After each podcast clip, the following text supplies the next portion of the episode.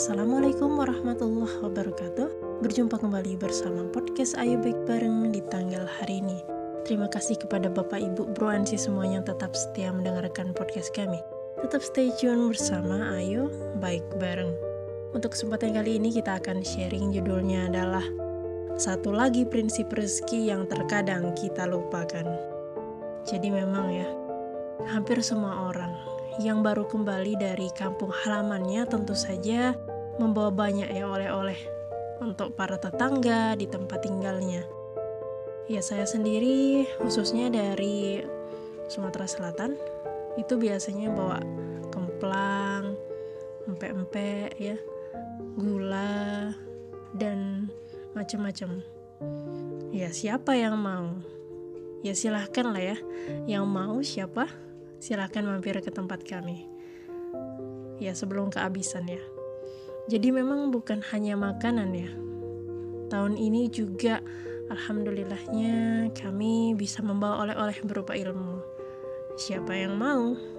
Ya untuk yang satu ini tidak perlu datanglah ke rumah. Sebab memang saya akan sampaikan sekarang di podcast ini. Jadi saat di kampung itu saya mendengar curhat dari salah satu bibi yang bercerita tentang usahanya. Beliau ini ternyata pemilik sebuah toko di pasar. Tentu saja, jika tiba di bulan Ramadan itu kemarin, tokonya tuh selalu ramai. Sama seperti semua toko lain pada umumnya. Hanya saja tahun ini meskipun tetap ramai, tapi tidak sebombastis seperti tahun kemarin. Ya tahu sendiri, saat ini kondisinya sedang seperti ini, sedang pandemi gitu ya. Kemudian mulailah beliau berpendapat tentang suatu hal dengan sudut pandang yang luar biasa menurut saya. Tahun ini kan anak bibi yang perempuan udah bekerja nih di rumah sakit, sudah punya gaji sendiri. Anak yang lelaki juga udah wirausaha, membuka bisnis, udah punya penghasilan sendiri lagi. Ya memang ya, beliau tuh memiliki tiga orang anak. Dan yang terakhir itu anak laki-lakinya juga masih sekolah seperti itu. Lalu apa sih hubungannya dengan omset toko yang menurun di Bibi itu gitu ya? Beliau pun melanjutkan seperti ini. Jadi wajar aja kalau rezeki toko berkurang tahun ini karena rezeki anak-anak yang tadinya dititipkan Allah sama Bibi sekarang udah diambil sendiri-sendiri oleh mereka. Subhanallah, begitu ya. Memang uh, demikianlah bagaimana itu beliau tuh yakin bahwa memang rezeki itu sudah diatur sebaik-baiknya oleh Allah. Sebagaimana kita ya, sebagian itu memang milik kita sendiri dan sebagian lagi milik orang lain yang Allah titipkan dalam rezeki kita tersebut ya. Maka sejak hari itu terjawablah pertanyaan saya selama ini. Mengapa sih salah satu guru saya di Solo ya dia mengasuh lebih dari berpuluh-puluh tahun? Anak yatim belum lagi mengajar pengajian. Itu kalau saya lihat selalu mendapatkan rezeki yang berlimpah setiap bulannya. Tidak lain dan tidak bukan ternyata. Memang tentu saja karena Allah yang menitipkan anak-anak tersebut ya menitipkan rezeki tersebut menitipkan anak-anak asuh anak-anak bimbingan anak-anak pengajian itu ya memang dititipkan rezekinya kepadanya menitipkan rezekinya kepada ibu itu pada guru saya itu. Rezeki yang dititipkan Allah kepadanya.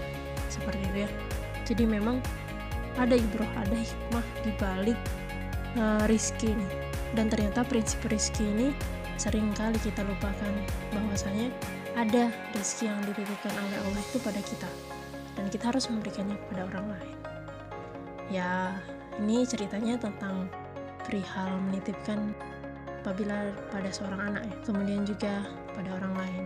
Nah, begitupun juga saya hanya merasa bahwa ketika Allah itu memberikan titipan ilmu, nah itu uh, ada tanggung jawab khusus untuk memberikannya pada orang lain. Karena ada rizki orang lain terhadap ilmu yang dititipkan Allah pada kami.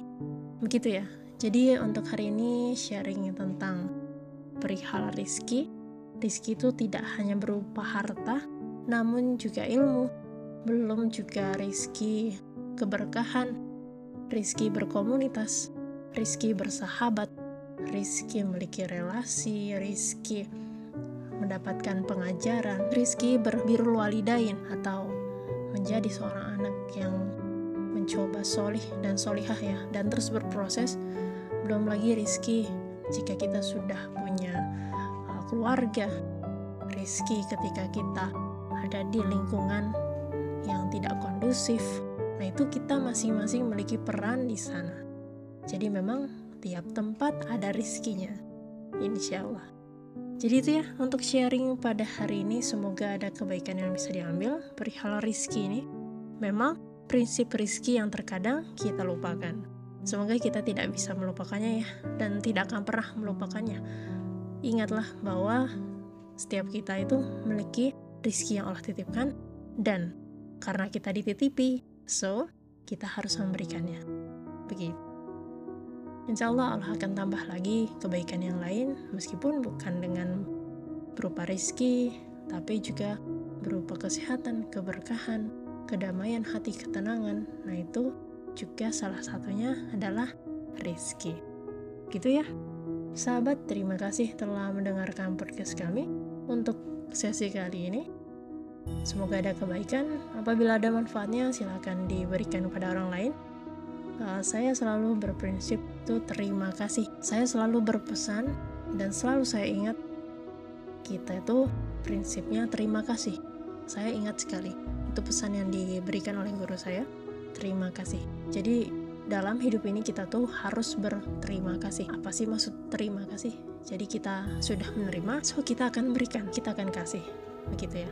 Insya Allah apabila kita menerima kita akan kasih dan begitu pun sebaliknya. Apabila kita sudah mengasihkan insya Allah Allah akan kasih lagi dalam bentuk lainnya. Begitu. Berprinsip terima kasih.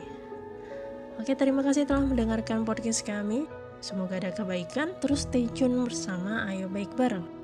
Wassalamualaikum warahmatullahi wabarakatuh.